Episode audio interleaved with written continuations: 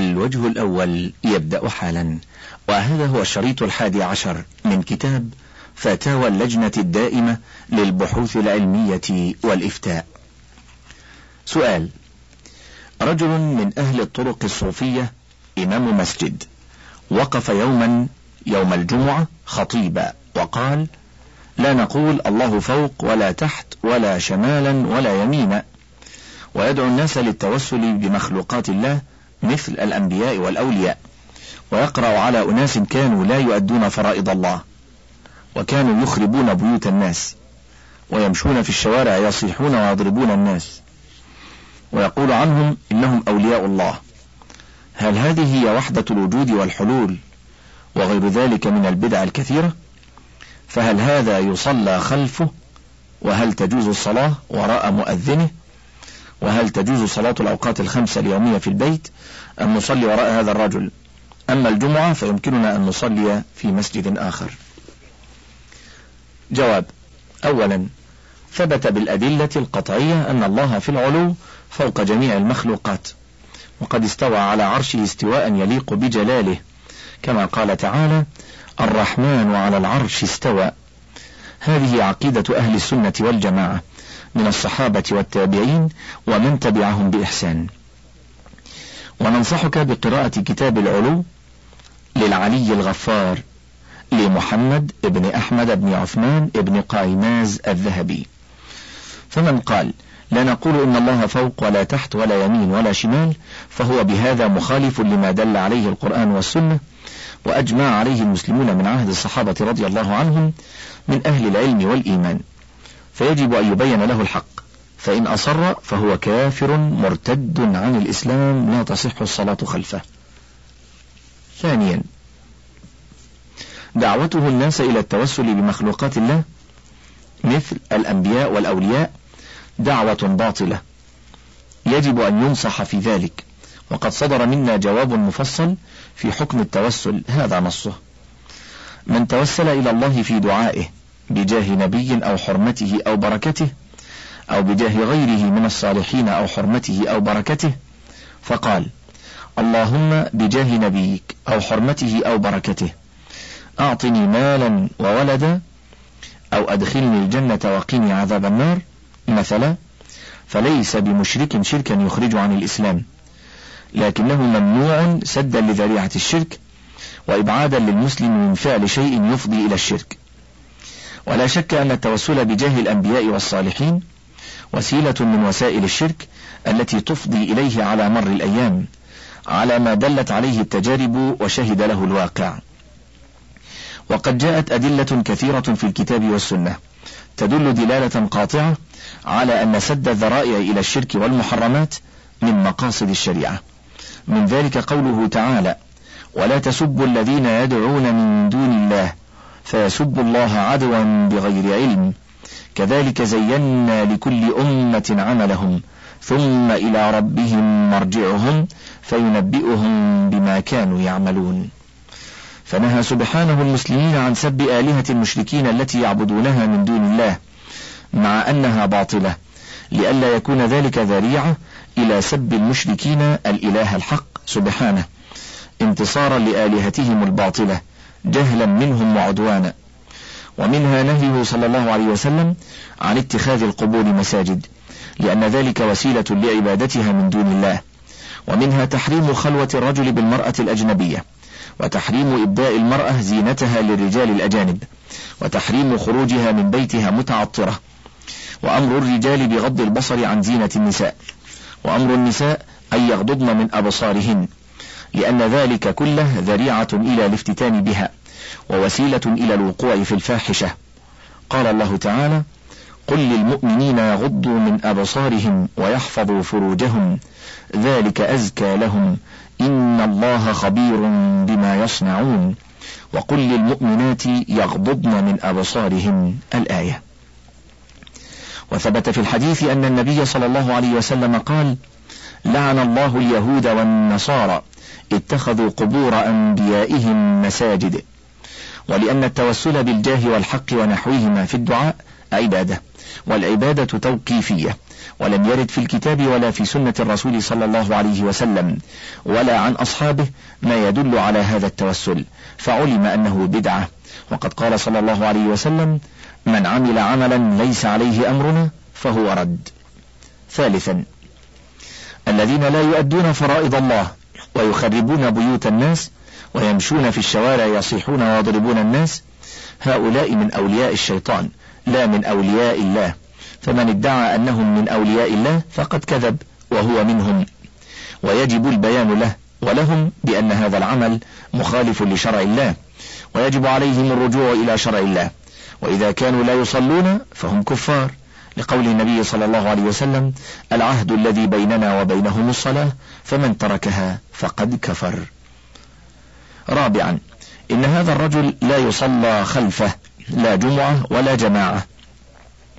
بل عليك أن تصلي صلاة الجمعة والجماعة في أقرب مسجد ممكن خلف إمام ترضاه في دينه وأمانته. خامسا أما المؤذن فلم تذكر لنا عنه شيئا من الأمور المخالفة لدين الله حتى نجيبك عن حكم الصلاة خلفه. وبالله التوفيق وصلى الله على نبينا محمد وآله وصحبه وسلم. سؤال هل يمكن التوسل بالقرآن والأيام كأن يقول العبد أدعوك ربي بحق يوم عرفة وما شابهه؟ جواب يجوز التوسل بالقرآن لأنه كلام الله لفظا ومعنى. وكلامه تعالى صفة من صفاته فالتوسل به توسل إلى الله بصفة من صفاته وهذا لا ينافي التوحيد وليس ذريعة من ذرائع الشرك. وأما التوسل بيوم من الأيام كالمثال الذي ذكرته فلا يجوز لأنه توسل بمخلوق فهو ذريعة إلى الشرك. ولأن ذلك مخالف للأدلة الشرعية مثل قوله صلى الله عليه وسلم من عمل عملا ليس عليه أمرنا فهو رد أخرجه مسلم وصححه. وصلى الله على نبينا محمد وآله وصحبه وسلم. سؤال.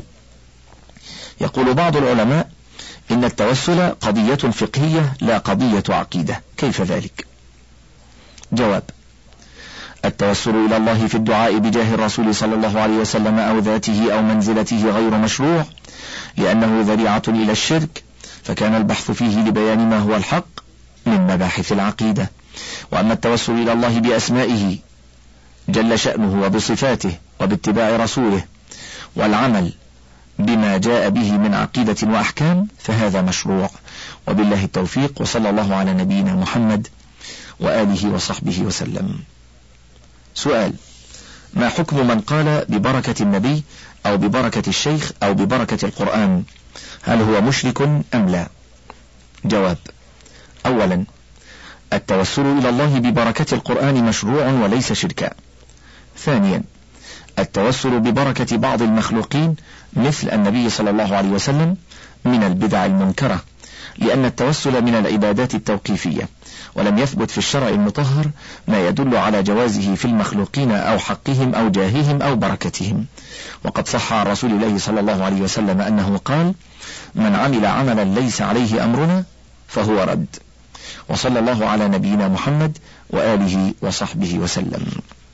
سؤال ما حكم القراءة في كتاب دلائل الخيرات للإمام محمد بن سليمان الجزولي والمشتمل على أحزاب وأوراد يومية تتضمن التوسل بالنبي صلى الله عليه وسلم وطلب الشفاعة منه مثل يا حبيبنا يا محمد إنا نتوسل بك إلى ربك فاشفع لنا عند المولى العظيم وأيضا اللهم إنا نستشفع بك إليه إذ هو أوجه الشفعاء إليك. عزيز المستمع جاءت اللفظة نستشفع بك إليك. وربما كان تصحيفا فربما كان الصحيح اللهم إنا نستشفع به يقصد النبي صلى الله عليه وسلم إليك يقصد الله عز وجل. أستكمل قراءة السؤال. وأيضا اللهم إنا نستشفع به إليك إذ هو أوجه الشفعاء إليك ونقسم به عليك إذ هو أعظم من أقسم بحقه عليك. ونتوسل إليك إذ هو أقرب الوسائل إليك وأشرفهم جرثومة. جواب إذا كان الواقع ما ذكرت من اشتمال أوراد وأحزاب هذا الكتاب على التوسل بالنبي صلى الله عليه وسلم والاستشفاع به إلى الله تعالى في قضاء حاجته فلا تجوز لك القراءة فيه.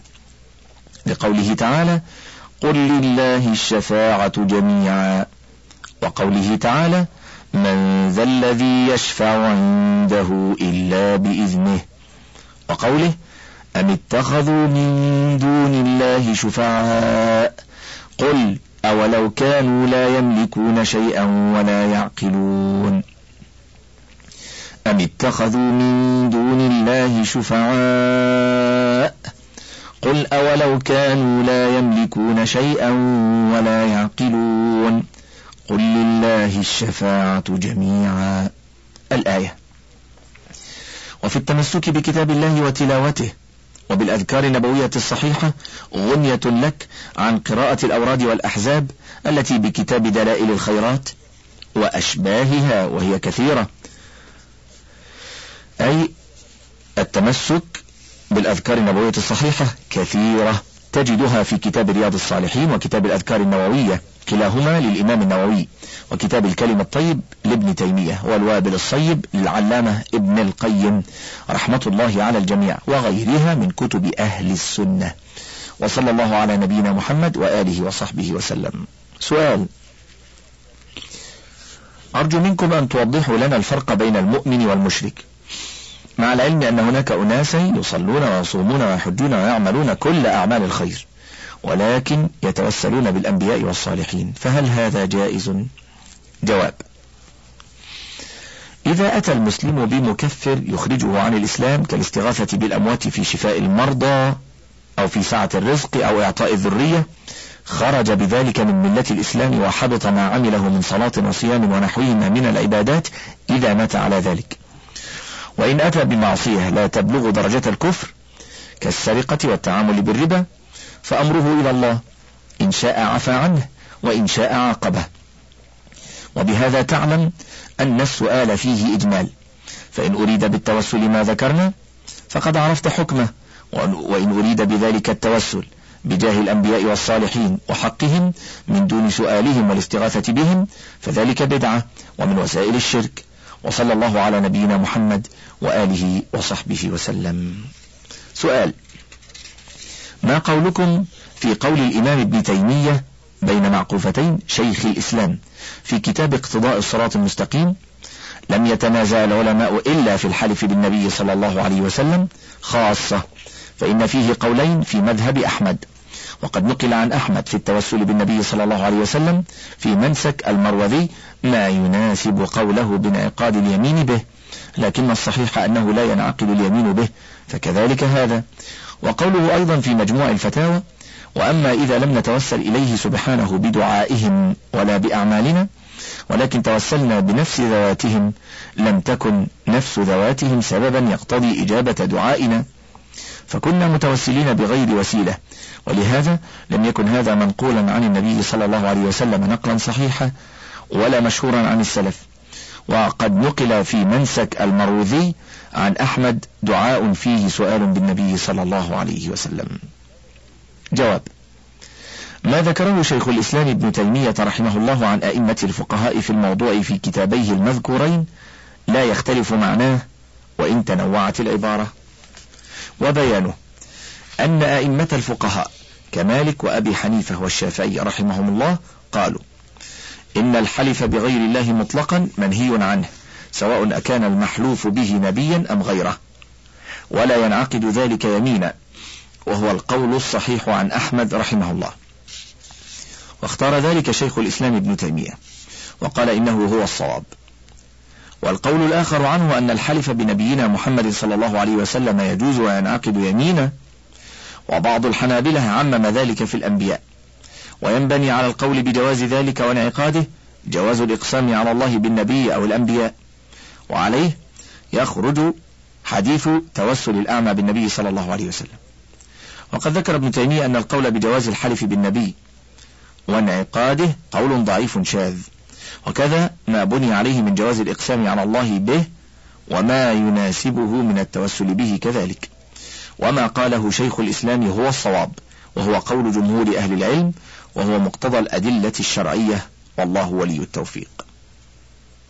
سؤال ما قولكم في رسالة الشيخ سليمان بن سحمان إلى الشيخ علي بن عبد الله بن عيسى؟ وفيها قوله في إبطال دعوى من ادعى على أنه يجوز التوسل بحق الأنبياء والأولياء والسؤال بهم فإن شيخ الإسلام ذكر أنه لا يعرف قائلا بذلك. ولا يجوز القسم بنبينا صلى الله عليه وسلم إلا ما يذكر عن العز بن عبد السلام على تقدير صحة الحديث. جواب ما نقله الشيخ سليمان ابن سحمان عن شيخ الإسلام ابن تيمية من أنه قال لا أعرف قائلا بذلك. ولا يجوز القسم بنبينا صلى الله عليه وسلم إلا ما يذكر عن العز بن عبد السلام على تقدير صحة الحديث نقل صحيح. يعرف ذلك بالرجوع إلى الصفحة السابعة والثلاثين بعد الثلاثمائة والسابعة والأربعين بعد الثلاثمائة من الجزء الأول من مجموع الفتاوى.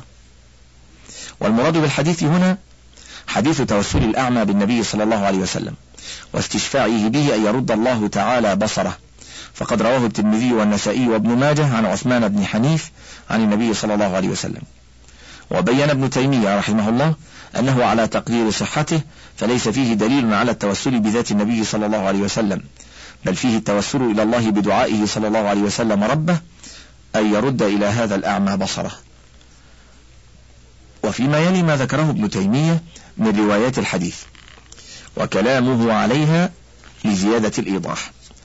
وقد روى الترمذي حديثا صحيحا عن النبي صلى الله عليه وسلم أنه علم رجلا يدعو فيقول اللهم إني أسألك وأتوسل إليك بنبيك محمد نبي الرحمة. يا محمد يا رسول الله إني أتوسل بك إلى ربي في حاجتي ليقضيها لي. اللهم شفعه في وروى النسائي نحو هذا الدعاء. وفي الترمذي وابن ماجه عن عثمان بن حنيف أن رجلا ضريرا أتى النبي صلى الله عليه وسلم فقال ادعو الله أن يعافيني فقال إن شئت دعوت وإن شئت صبرت فهو خير لك فقال فادعه فأمره أن يتوضأ فيحسن وضوءه ويدعو بهذا الدعاء.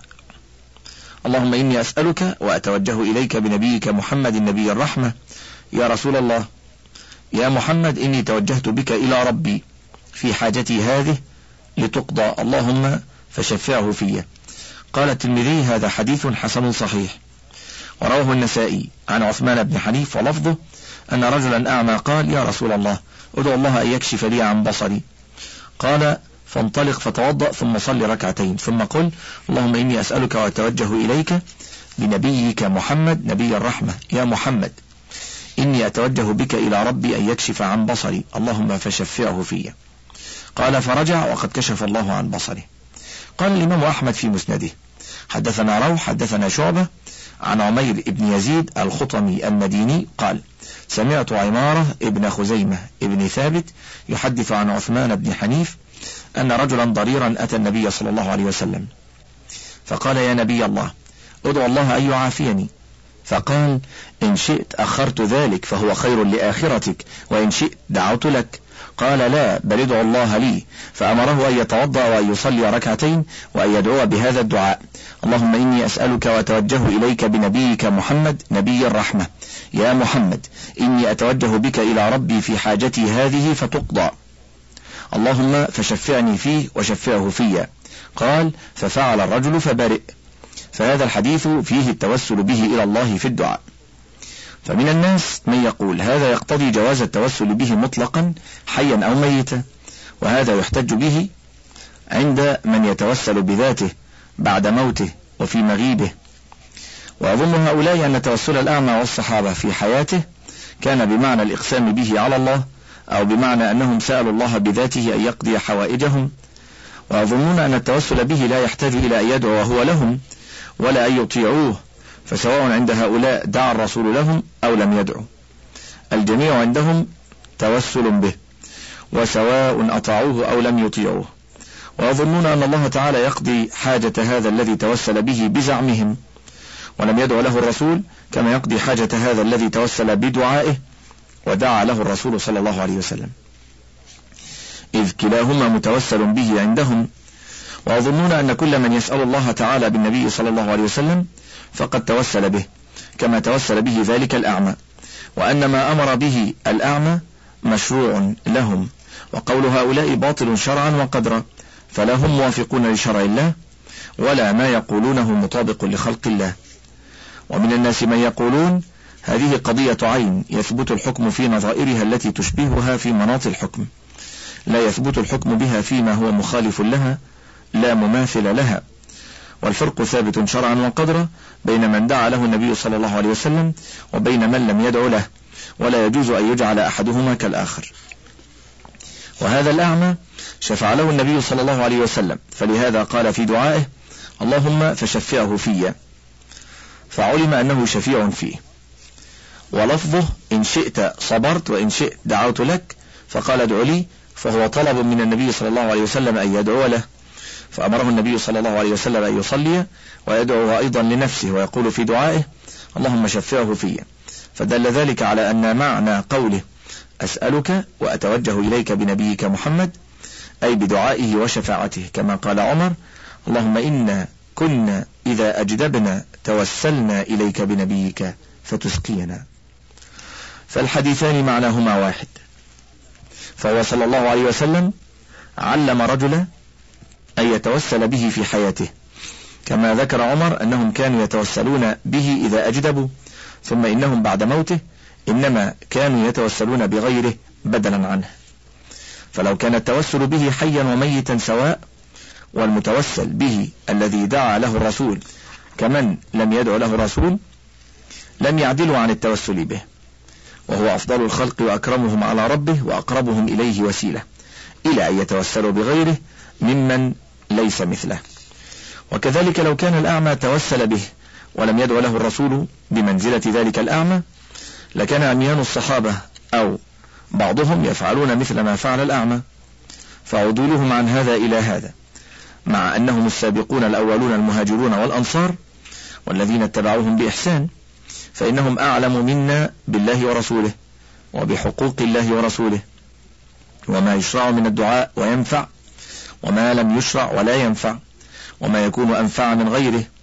وهم في وقت الضرورة ومخمصة وجدب يطلبون تفريج الكربات وتيسير العسير وإنزال الغيث بكل طريق ممكن. دليل على أن المشروع ما سلكوه دون ما تركوه.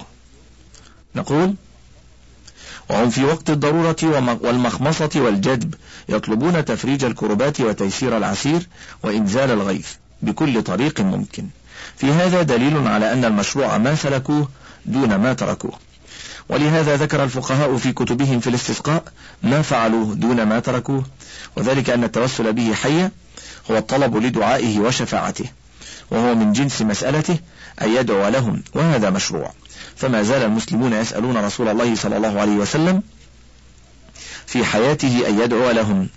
وأما بعد موته فلم يكن الصحابة يطلبون منه الدعاء لا عند قبره ولا عند غير قبره كما يفعل كثير من الناس عند قبور الصالحين. يسأل أحدهم الميت حاجته أو يقسم على الله به ونحو ذلك. سؤال. كاتب هذا السؤال يعتقد عدم جواز التوسل بالنبي صلى الله عليه وسلم ولا غيره إلا ما كان واردا عن السلف. كطلب الدعاء منهم أو التوسل بالأعمال الصالحة لنفس الداعي أو بالأسماء الحسنى لله سبحانه وتعالى والصفات العليا. ما تعليقكم؟ جواب نسأل الله تعالى لنا ولك التوفيق والسداد والثبات على العقيدة الإسلامية الصحيحة حتى نلقاه على ما يحب منا ويرضى. سؤال أرجو توضيح قول شيخ الإسلام السابق وهل يقوله على أنه صح عن الإمام أحمد رضي الله عنه أم هو بصيغة التمريض كما هو ظاهر من اللفظ؟ جواب. قد وضح معناه في الجواب عن السؤال الثالث. أما ما نقل عن الإمام أحمد في التوسل بالنبي صلى الله عليه وسلم بصيغة التمريض فلا نعلم له طريقا صحيحا عن الإمام أحمد رحمه الله. ولو صح عنه لم يكن به حجة. بل الصواب ما قال غيره في ذلك وهم جمهور أهل السنة لأن الأدلة الشرعية في ذلك معهم. والله ولي التوفيق. وصلى الله على نبينا محمد وآله وصحبه وسلم. إنما الطاعة بالمعروف. سؤال هل يجوز الدخول في أمر يتطلب الدخول فيه حلق اللحية وعدم التمكن من تأدية بعض الصلوات في أوقاتها وطاعة الأوامر العسكرية فيما حرم الله؟ جواب لا يجوز للمسلم أن يدخل في أمر يستلزم هذه الأشياء. أو بعضها لأنها معاصي لله ورسوله. وإن أجبر بدون اختياره وأدخل بقوة السلطان فالأمر ليس إليه. ونرجو أن يجعل الله له فرجا ومخرجا. فهو القائل سبحانه ومن يتق الله يجعل له مخرجا ويرزقه من حيث لا يحتسب والقائل سبحانه ومن يتق الله يجعل له من أمره يسرا. وبالله التوفيق وصلى الله على نبينا محمد وآله وصحبه وسلم. سؤال إن القوانين المعمول بها في مصر تجيز للصيادلة الحق في امتلاك صيدليتين فقط. وبعض الزملاء الصيادلة لا يكتفون بذلك بل يريدون الاستزادة فممكن أن يكون للصيدلي ثلاث أو أربع صيدليات.